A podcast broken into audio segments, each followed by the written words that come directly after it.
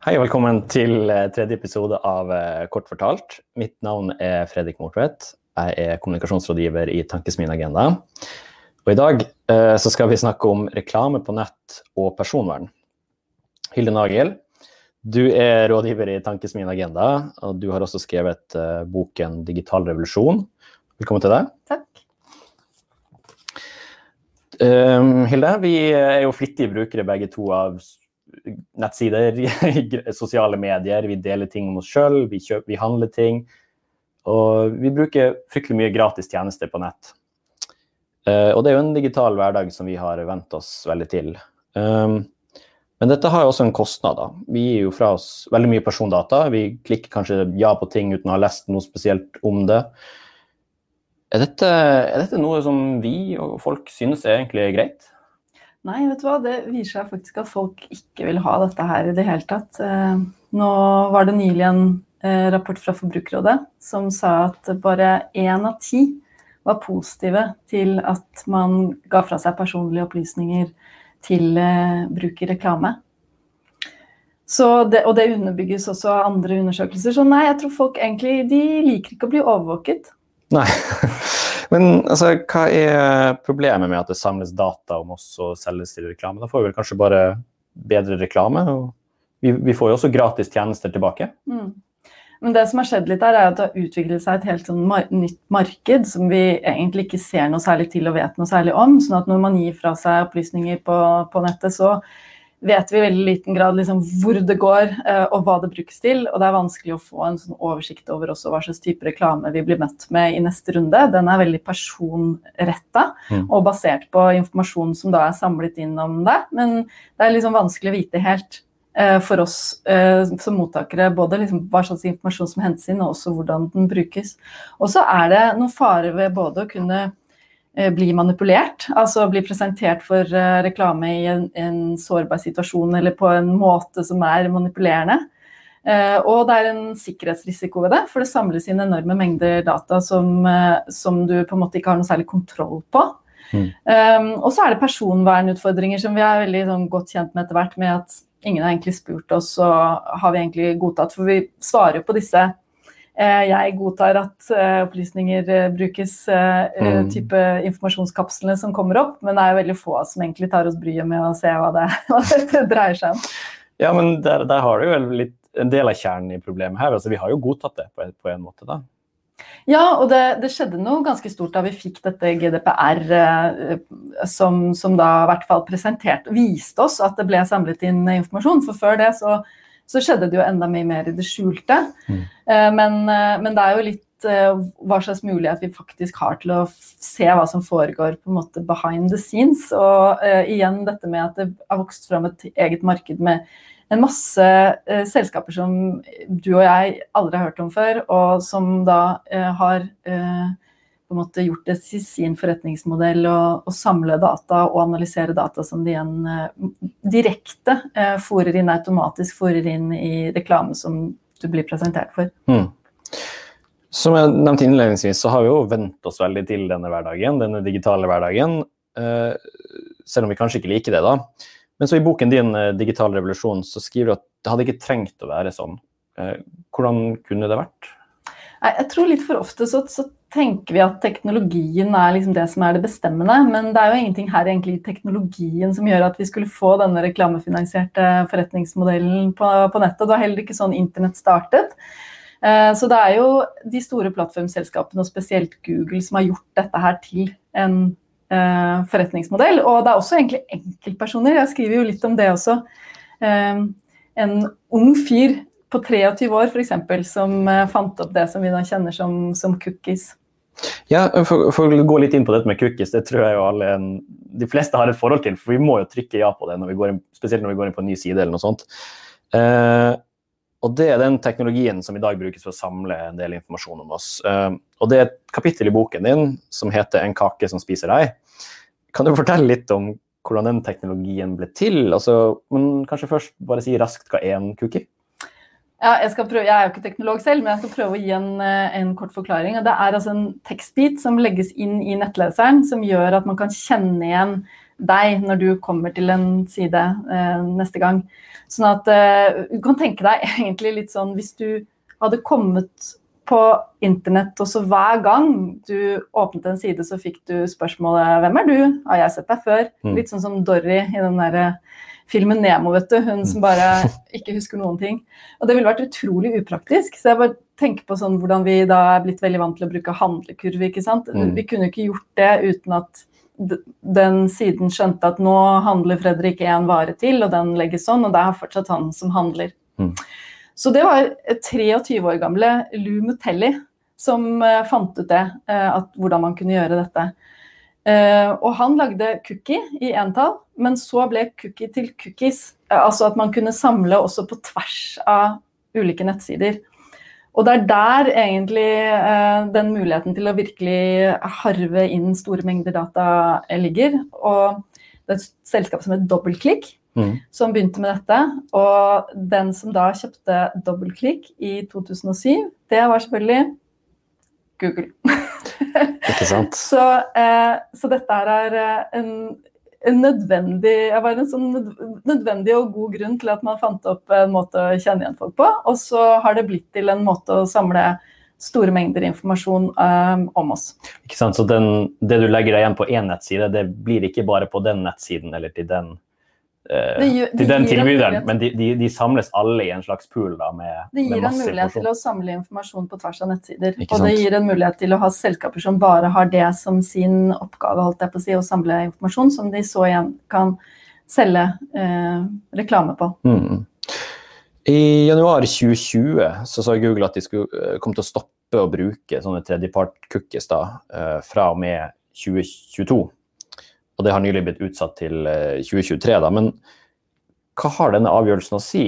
Det høres ut som det er på vei til å løse problemet, da? Ja, det hadde jo vært kjempefint. Og så er man jo litt, når det er Google, eh, så tenker man at de helt sikkert eh, finner sine måter å hente inn eh, informasjon om oss på uansett. Og det gjør de, for de kan jo alltids hente inn direkte informasjon fra sine plattformer. Så dette her er, tror jeg, kommet litt grann fordi at mange, som vi snakket om, er lei av det her eh, og Mm. vil ha en slutt på det. Og eh, flere sånne nettlesere har også sluttet med tredjepart-cookies. Så du har Firefox og du har Yahoo som allerede har sluttet med å, å bruke tredjepart-cookies. Og eh, Google tror jeg gjør det nå for fri litt til sine brukere. Sier at vi tar personvern på alvor.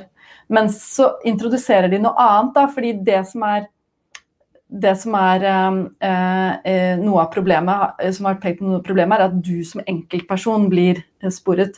Sånn at de tenker seg en modell hvor, som de kaller flokk, hvor man heller ser på segmenter, altså type mann eh, 30 til 35, Mm. interessert i sånn og slik. Mm. Eh, og det er ikke sikkert at det helt eh, løser problemet heller. Ikke sant, ok. Um, men er dette Google som prøver å stramme grepet om dataene? Det vil jo på en måte ødelegge forretningsmodellen til mange av disse selskapene som, som samler sammen alle disse cookiesene og bruker det på en måte for å eh, ha veldig sånn spesifikk reklame. Eh, er det bare Google da som på en måte vil holde dataene for seg sjøl, og så kan de tjene på det, og så slipper de denne mellommannen, på en måte? Ja, det er vel antagelig det som er effekten, i hvert fall. Men Mm. uh, jeg tror at uh, dette kommer fra Google også fordi at det er blitt etter hvert en ganske massiv motstand. Mm. Uh, Men hvorfor gjør de det nå, da? Du har kanskje vært litt inne på det med dette, at det begynner å bli en sånn litt sånn pushback mot, mot dette med personvern og data på nett? Ja, jeg har jo selv vært med på å underskrive nå et eh, opprop som eh, er eh, Norske Forbrukerrådet faktisk, som har tatt initiativ til. Som vil ha et forbud mot denne form for sånn overvåkingskapitalisme hvor enkeltpersoner kan spores. Mm. engelsk begrep er vel liksom microtargeting. Jeg vet ikke om det egentlig fins noen sånn veldig god oversettelse på norsk, men i hvert fall den modellen som er at man samler informasjon om enkeltindivider. Mm.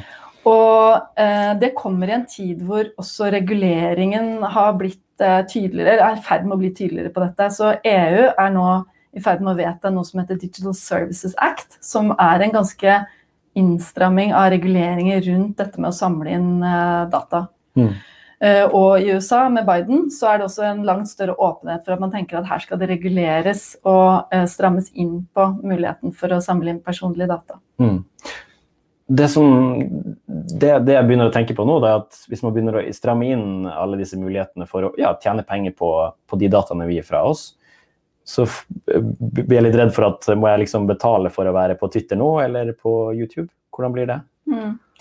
Nei, Parallelt med dette oppropet så kom også um, um, Forbrukerrådet med en ganske interessant rapport som pekte på noen alternativer også. Mm.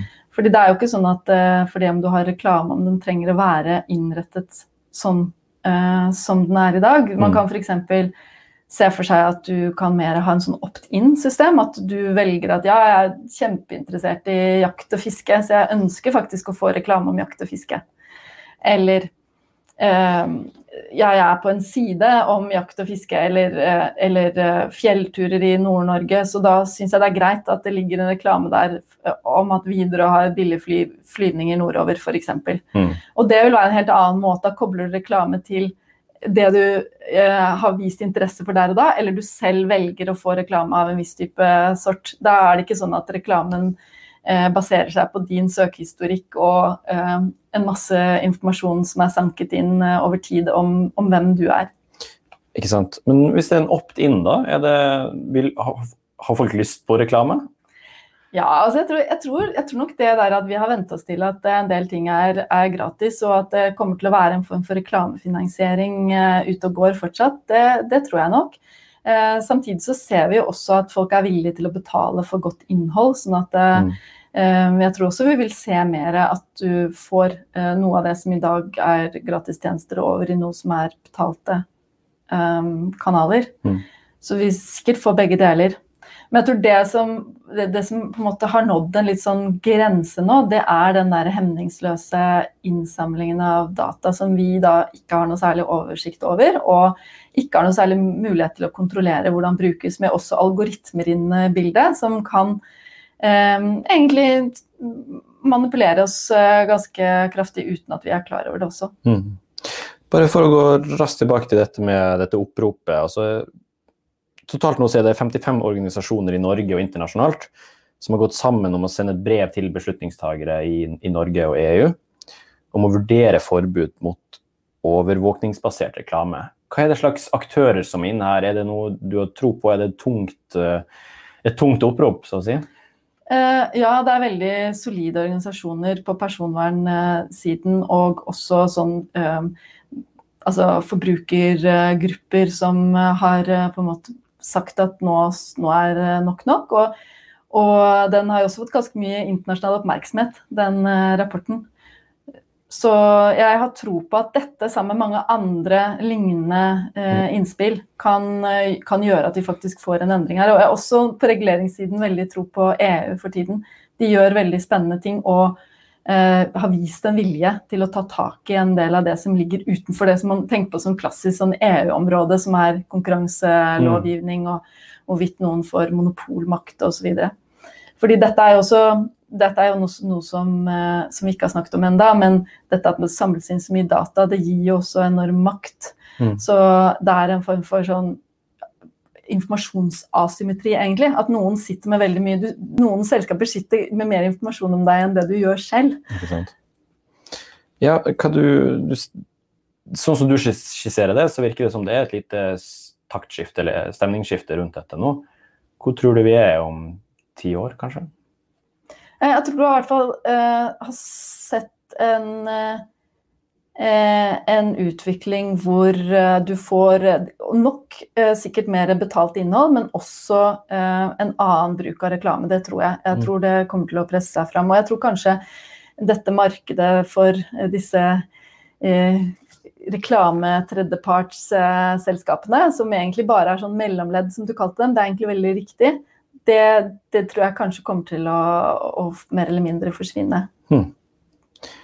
Jeg tenker vi må la det bli siste ord. Tusen takk for at du kom til Kort fortalt, Hilde Nagel. Og så vil jeg bare minne seerne på at dere kan høre alle disse eh, opptakene i, på podkast eh, på, på, alle podkastapper under Tankes min agenda.